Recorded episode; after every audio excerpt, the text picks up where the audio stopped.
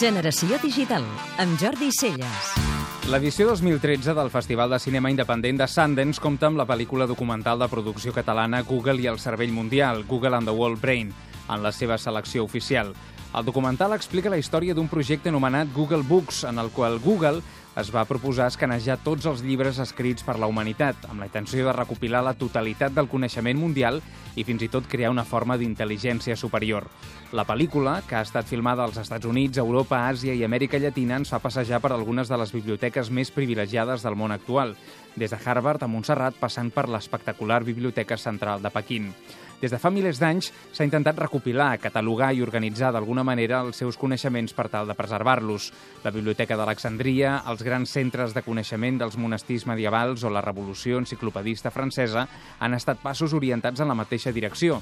El coneixement és poder i tenir la capacitat de tenir tot el coneixement de la humanitat concentrat en un sol espai ha estat un somni recurrent durant molts segles. De totes maneres, tenir una gran quantitat d'informació recopilada sense disposar d'un sistema efectiu per fer-hi recerca recerques per extreure els coneixements que realment són rellevants és completament inútil. D'aquest problema es soluciona a través del que es coneix com a Big Data, la gestió intel·ligent de quantitats monstruoses d'informació. I si es parla de Big Data, el líder mundial de llarg és Google. Veure l'ambició i la immensa dosi d'energia utilitzada per Google a l'hora de proposar-se digitalitzar absolutament tots els llibres del món ens fa donar de tots els passos que encara s'han de donar per tal que la societat digital sigui completa i lliure.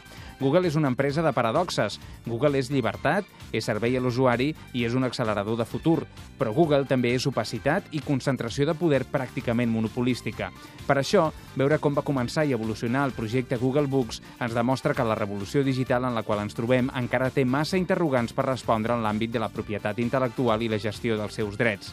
A banda del projecte Internet Archive i de Google, empreses com Microsoft, Amazon o el gegant xinès Baidu han iniciat projectes de digitalització massiva de llibres. El seu objectiu és convertir-se en una cosa pròxima al cervell global, que va crear l'escriptor H.G. Wells en la seva prolífica obra literària de ciència-ficció.